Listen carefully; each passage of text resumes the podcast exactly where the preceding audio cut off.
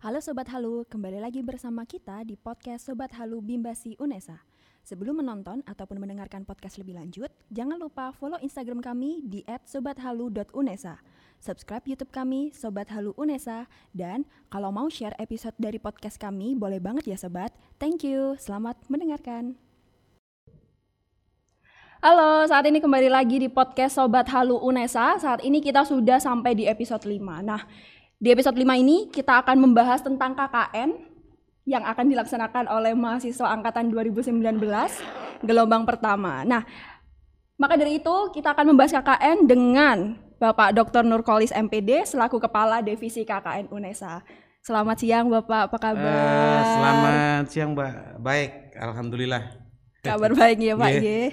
Nah untuk KKN 2022, berarti ini tahun ketiga di era pandemi.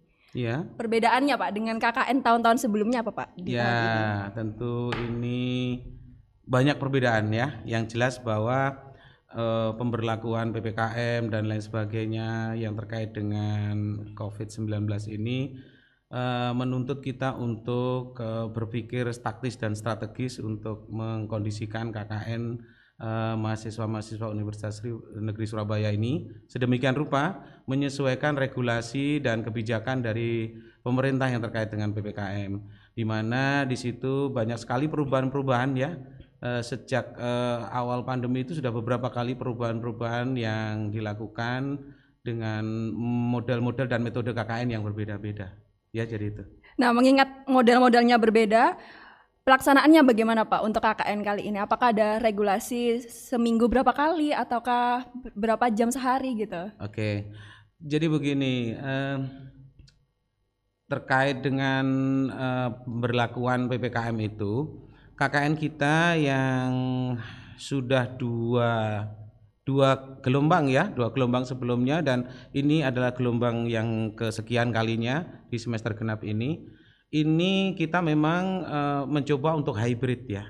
Metode KKN kita itu eh, boleh dibilang hybrid karena eh, dua gelombang terakhir atau tiga gelombang terakhir ini eh, ada muatan mata kuliah di dalamnya ya. Di dalam KKN itu ada enam mata kuliah sehingga eh, kita menerapkan metode hybrid. Yang dimaksud hybrid ini adalah ketika adik-adik menjalankan proses perkuliahan yang ter- terkait dengan enam mata kuliah yang ada di dalam KKN itu di setiap tema itu dengan menggunakan daring tapi adik-adik ini karena terkait juga dengan tagihan dan luaran serta eh, kinerja dalam yang ditetapkan oleh lembaga, mereka harus stay di tempat, stay di lokasi KKN. Jadi itu namanya hybrid karena kuliahnya itu adalah online, tetapi implementasi KKN-nya itu adalah offline atau eh, luring, langsung dengan bersentuhan dengan masyarakat seperti itu. Berarti memang mahasiswanya ini saya eh, perjelas lagi mungkin. Mahasiswanya berarti stay di tempat, Iya. menginap begitu. Iya, betul. Betul. Oh, berarti tidak seperti semester lalu yang hanya Sabtu Minggu gitu. Oh tidak, semester lalu pun sebetulnya juga kita sudah ada di lokasi. Kebetulan saja yang di Surabaya ya, yang kemarin eh, eh, semester lalu KKN kita semester genap eh, semester gasal lalu KKN kita itu kan ada di dua lokasi karena jumlahnya cuma sedikit, cuman 246. Ada di Surabaya 68 dan di Mojokerto sekitar 130-an lah, 130 sekian. Nah, itu dua-duanya sebetulnya seharusnya ada di lokasi. Cuman karena yang di Surabaya bisa dijangkau dengan karena memang anak-anak Surabaya yang eh, mahasiswa Surabaya yang melakukan kegiatan di Surabaya itu sehingga mereka tidak perlu harus stay di satu tempat. Tapi yang di Mojokerto karena ini gabungan dari eh, beberapa wilayah ya, ada yang dari Lamongan, Gresik, terus Jombang dan lain sebagainya akhirnya dikumpulkan mereka stay di lokasi. Nah, yang kali ini juga begitu. Kali ini juga begitu, yang semester genap ini eh, mahasiswa kita juga harus stay di lokasi karena langsung bersentuhan dengan masyarakat. Jadi gitu. Ini kan saya lihat di SSO kemarin di SIM KKN sudah bisa mulai memilih kelompok gitu. Hmm. Iya, betul nah, sekali. untuk mulainya kapan, Pak? Eh, saya sudah mengedarkan timeline ya kepada terutama kepada mahasiswa yang ada di grup, ada dua grup, ada tiga tiga grup ya, ada grup Telegram, dia WhatsApp-nya ada dua, terus kemudian eh, itu eh, ada timeline ya. kita akan eh, menerjunkan mahasiswa KKN ini tanggal 24 nanti. Sebelumnya ada pembekalan-pembekalan, jadi tanggal 2, 19-20 nanti akan ada pembekalan yaitu Penlat 1 dan Penlat 2. Terus kemudian karena kita ini 20 SKS nanti akan berakhir di tanggal sekitar 24 eh, Juni. Berarti empat bulan. Empat bulan ya, karena 20 SKS. ya. Banyak ya, Pak. ya. Iya, empat bulan. KKN kita empat bulan karena ini terkait dengan 20 SKS. Jadi itu.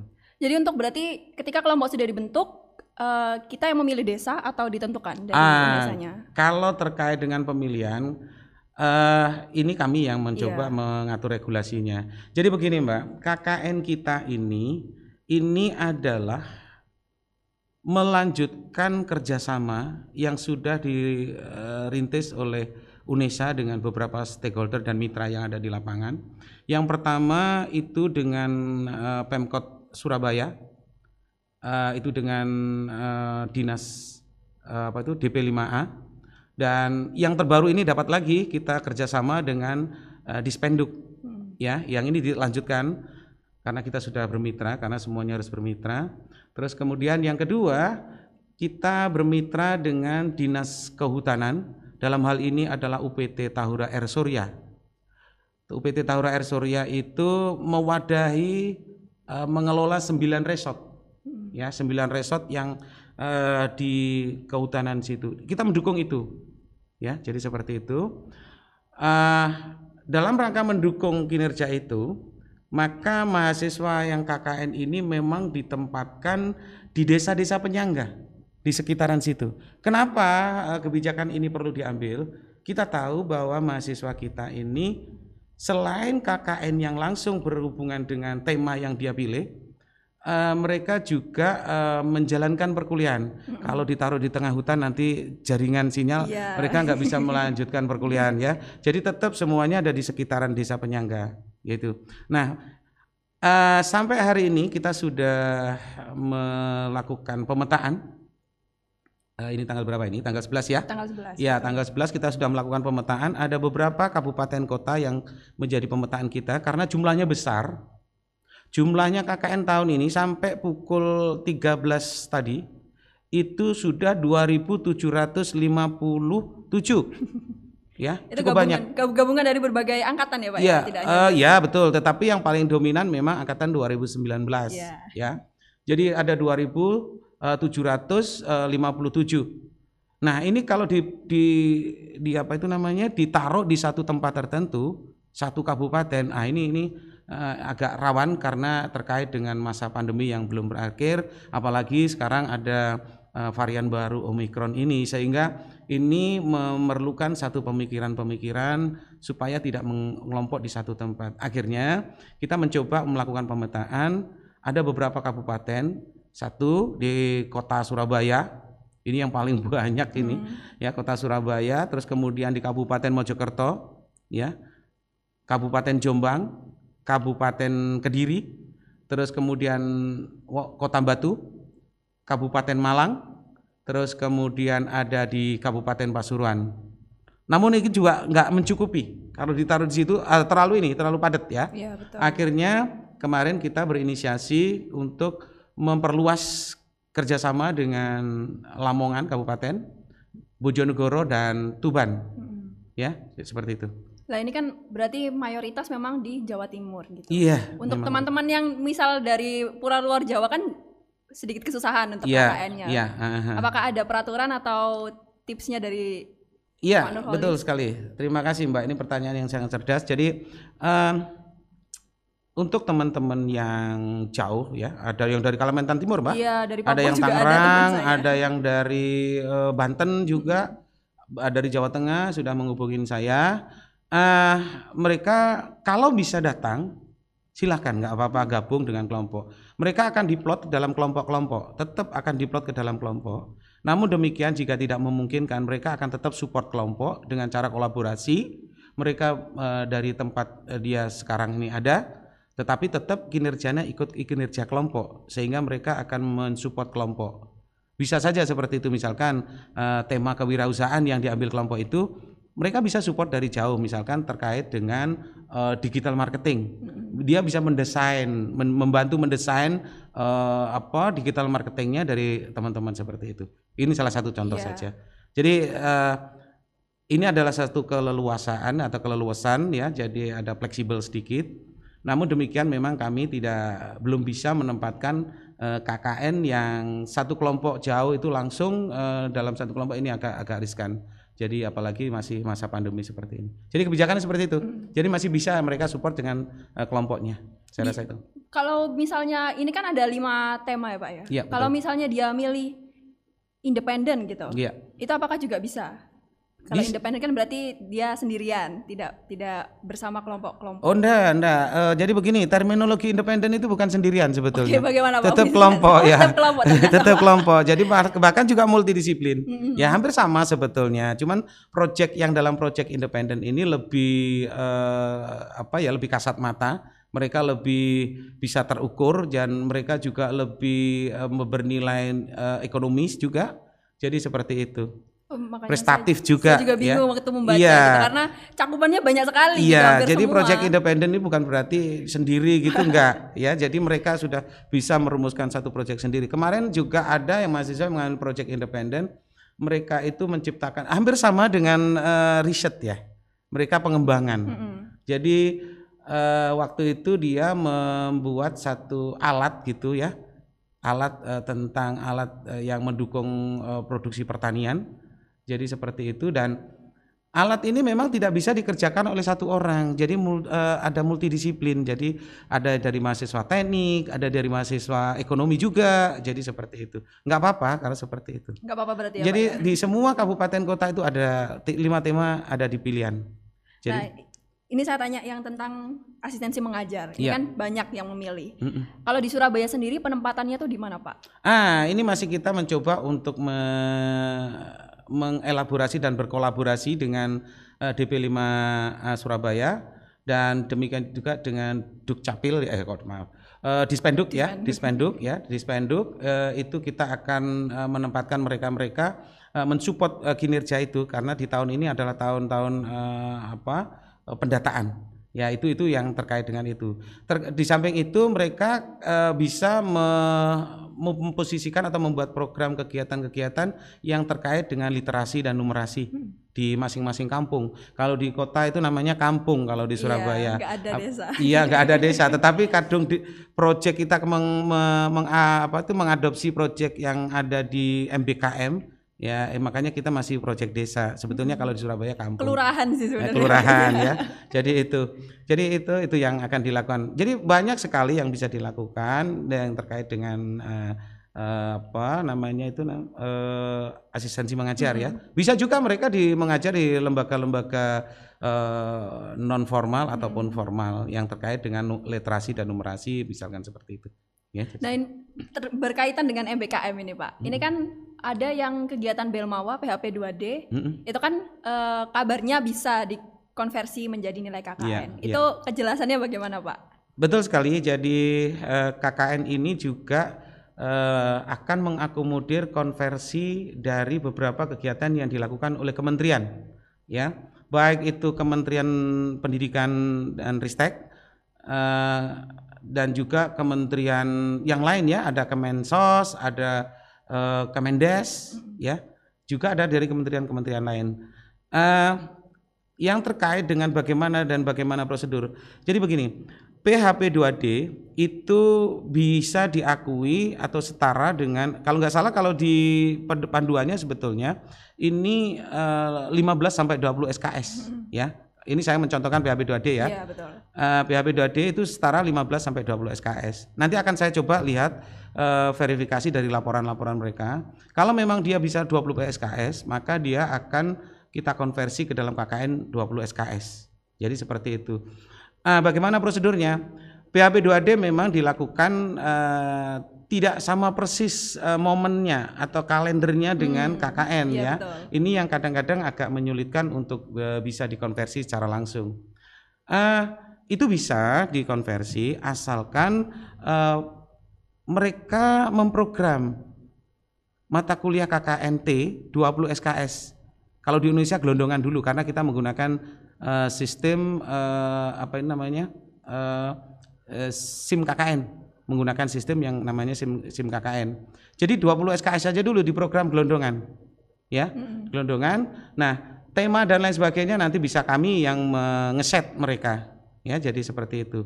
Dan dimohon adik-adik mahasiswa dan Kaprodi juga proaktif saya kan tidak tahu ini mahasiswanya yang mana gitu kan. Ya betul, nah Pak. kalau tidak ada laporan saya nggak tahu, makanya ini dimohon Kaprodi untuk bisa proaktif bersama bidang tiga tentunya ya, karena ini dari bidang tiga eh, untuk bisa mengirimkan data ke kami eh, untuk bisa dikonversi dengan laporan-laporannya sekalian ya sekaligus ya. Jadi seperti itu. Terus kemudian ini juga ada catatan sebetulnya.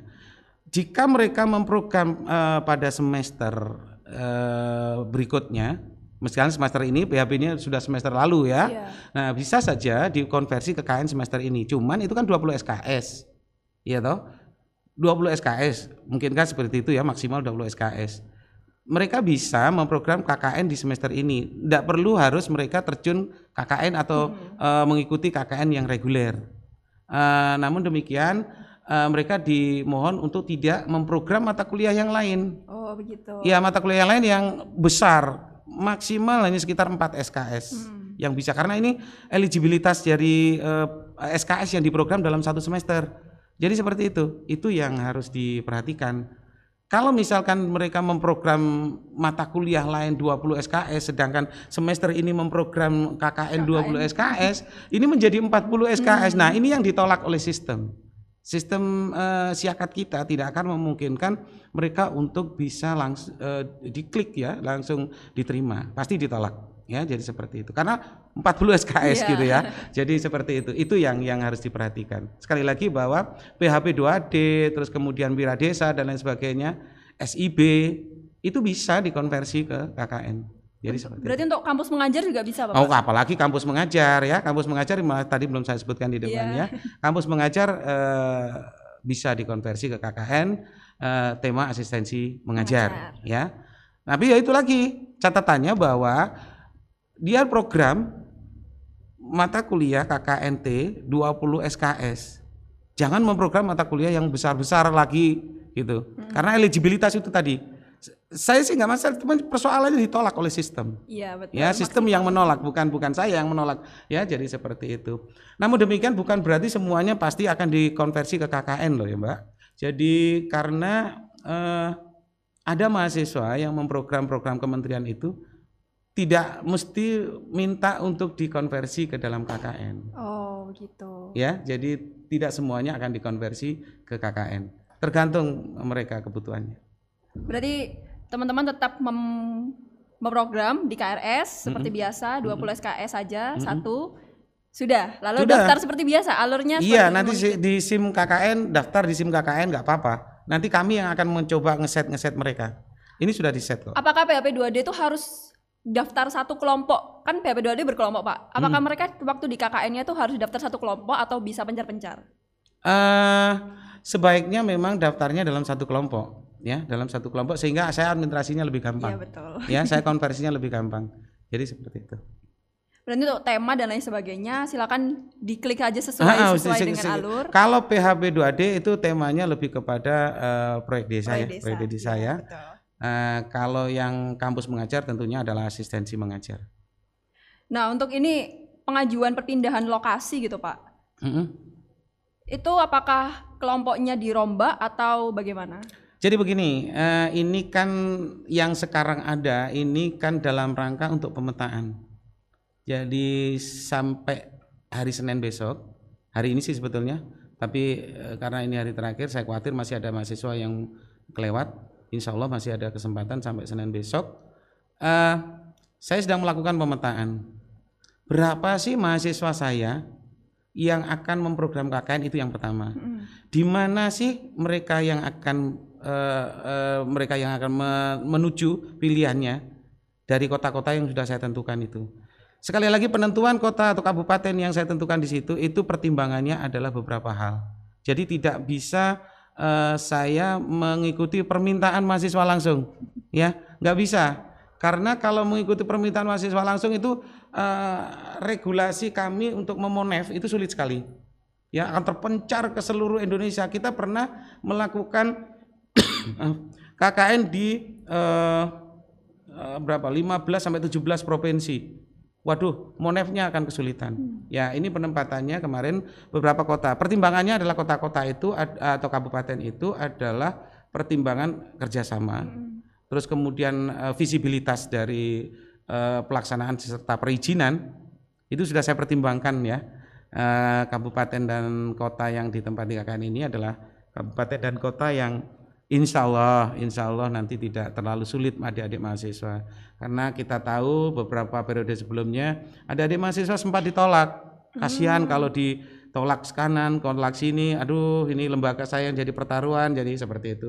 Jadi itu yang yang harus ini. Jadi memang itu adalah eh, settingan yang saya coba. Namun demikian perpindahan masih dimungkinkan, Mbak.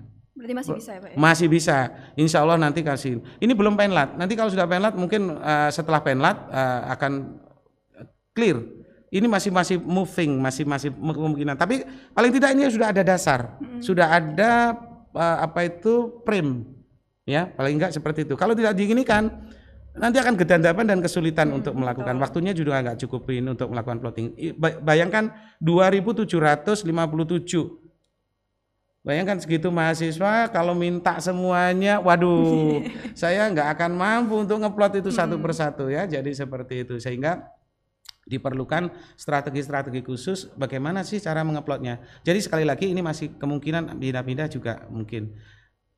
Toh kali ini kan mereka belum tahu, hanya tahu kotanya saja Iya, kan. betul. Kecamatannya kan belum Kecamatan tahu. Belum. Belum. Eh, desanya kan juga belum tahu. Desa dan kecamatan itu nanti baru bisa nampak setelah kita melakukan koordinasi dengan bupati, dengan wali kota, terus kemudian dengan camat. Yang insya Allah mulai besok kami akan menerjunkan tim tujuh istilahnya. Tim tujuh kami akan menyebar ke sembilan kabupaten untuk berkoordinasi dengan bupati dan wali kota.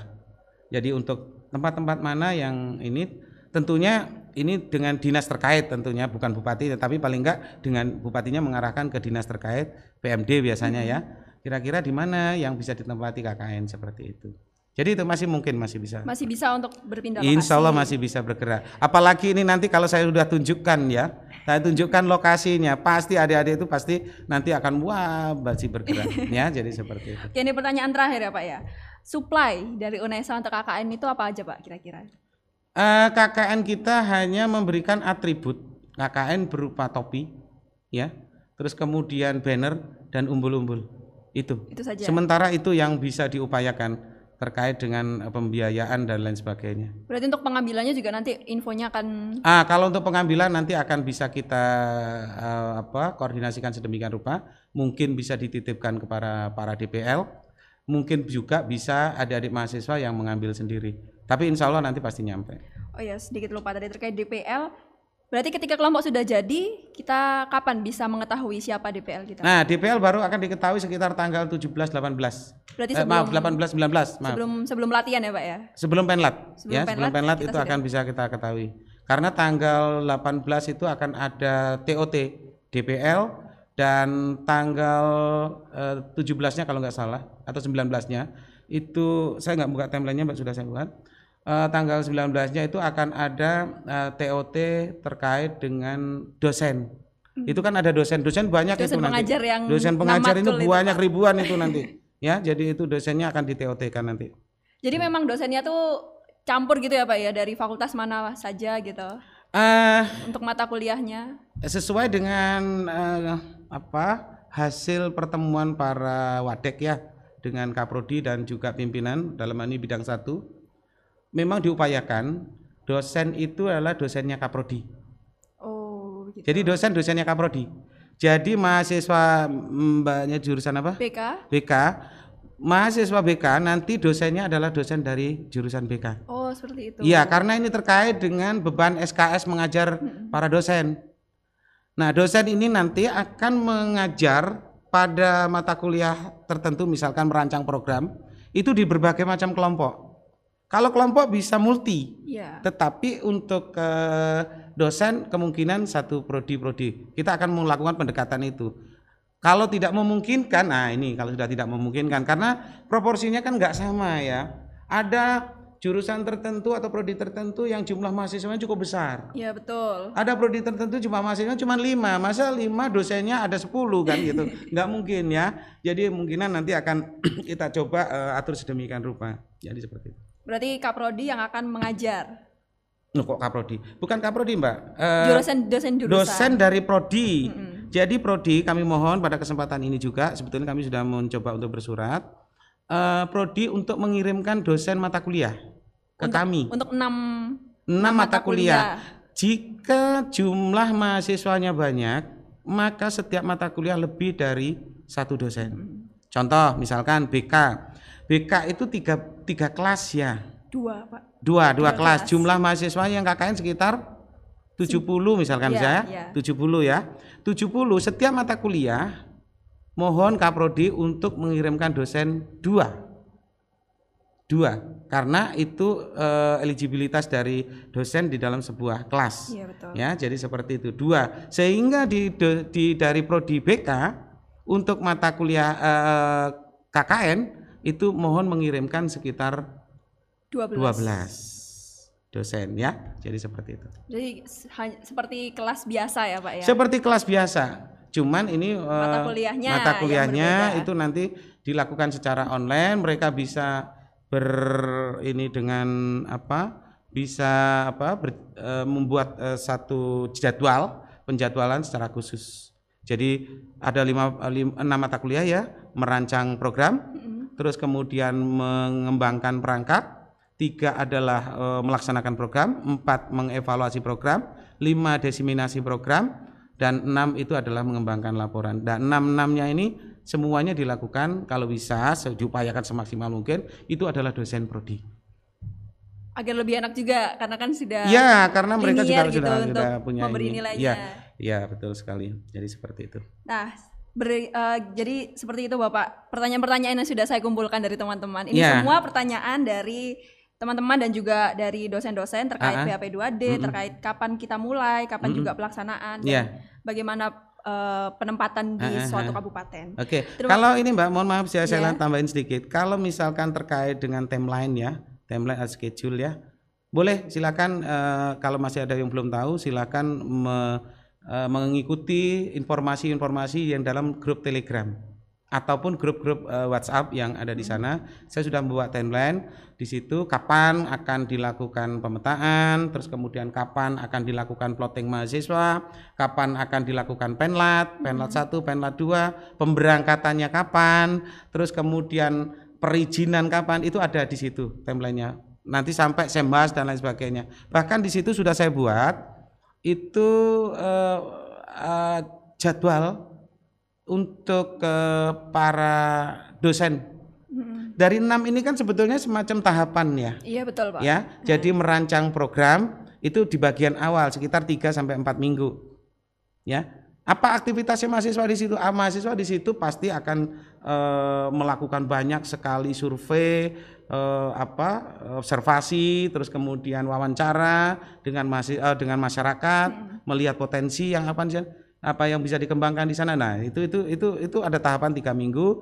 Berikutnya ada tahapan uh, mengembangkan perangkat itu sekitar tiga minggu juga. Terus kemudian melaksanakan program ini yang agak panjang, hmm. sekitar 6 sampai tujuh minggu. Terus kemudian ada evaluasi program sekitar empat uh, minggu dan lain sebagainya. Itu ada semua tahapannya di situ. Silakan dilihat di timeline yang sudah saya share. Berarti tidak satu semester pengembangan program terus Oh enggak, gitu. enggak, enggak, enggak begitu. Berarti ada Loh, itu nanti kan tumpang tindih enggak jalan iya. KKN-nya ya. Jadi KKN itu sebuah jam sebuah uh, apa uh, tahapan ada tahapan-tahapannya. Ada periodisasinya. Iya, berarti bertahap matkul ini berapa minggu, matkul mm -mm, ini berapa betul, minggu betul. seperti itu. Jadi kalau misalkan itu kan setara misalkan merancang program itu setara dengan uh, 3 SKS misalkan ya. Mereka akan secara intens dalam minggu-minggu itu mulai Senin sampai Minggu dengan dosen mata kuliah, mereka dengan project based learning atau problem based learning, ya kuliahnya bisa sinkronus dan uh, uh, uh, apa asinkronus, mereka akan melakukan itu gitu. Jadi ini mata kuliah sekali lagi, hmm. ini mata kuliah. Jadi sehingga diharapkan nanti akan akan benar-benar uh, KKN ini akan menghasilkan produk yang bisa di uh, ini ukur gitu. Jadi kelas praktek di lapangan. Kelas juga praktek. Ah, tergantung, tergantung dosennya, tergantung dosennya eh, nanti mungkin bisa menggunakan kan metode-metodenya ada, Iya. metode-metode perkuliahan itu kan ada. bermacam-macam gitu. Iya. Terima kasih Bapak Dokter Nur Kalis sama-sama. untuk penjelasan yang sangat luar biasa KKN karena saya selaku angkatan 2019 juga bingung gitu. Kapan Iya. kita mulainya dan juga karena ada beberapa pertanyaan gitu, beberapa kabupaten tidak keluar, saya menunggu-nunggu Ya. tapi alhamdulillah sudah ada kabupaten mana saja dan kota Eh, mana saja. sedikit sedikit saya tambahkan untuk eh, wilayah kota Surabaya ya. Saya tambahkan sedikit, mohon maaf. Wilayah kota Surabaya ini paling banyak. Saya tadi sudah hitung-hitungan sudah 700 sekian mahasiswa. Saya khawatir, mohon maaf ini kalau semuanya memilih Surabaya, ini saya khawatir ini nanti menjadi problem tertentu sehingga mohon maaf Surabaya sementara saya batasin dulu sampai segitu. Jadi biar nggak tadi masalah karena Surabaya ini ibu kota di mana di situ rentan sekali terhadap eh, pandemi. Ya seperti itu. Gitu. Nah, terima kasih Ba- Bapak Nurkolis, terima Ya, kasih banyak sama-sama. sudah Iya. mau datang ke podcast menjelaskan gitu ya. Pertanyaan Mohon maaf ya kalau masih ada belum jelas silakan nanti bolehlah eh, bisa datang eh, bisa telepon aja. Oh iya baik, terima kasih Bapak Nurkolis, sehat-sehat selalu. Terima kasih ya gitu. Nah begitu teman-teman untuk episode kali ini terkait KKN di UNESA tahun 2022 gelombang pertama gitu ya. Bagaimana apa yang harus kita lakukan dan apa tahapan-tahapan yang harus kita lakukan juga nanti apa aja yang akan kita lakukan di semester depan. Terima kasih, jangan lupa untuk mendengarkan ini dan share. Thank you. Masih ya.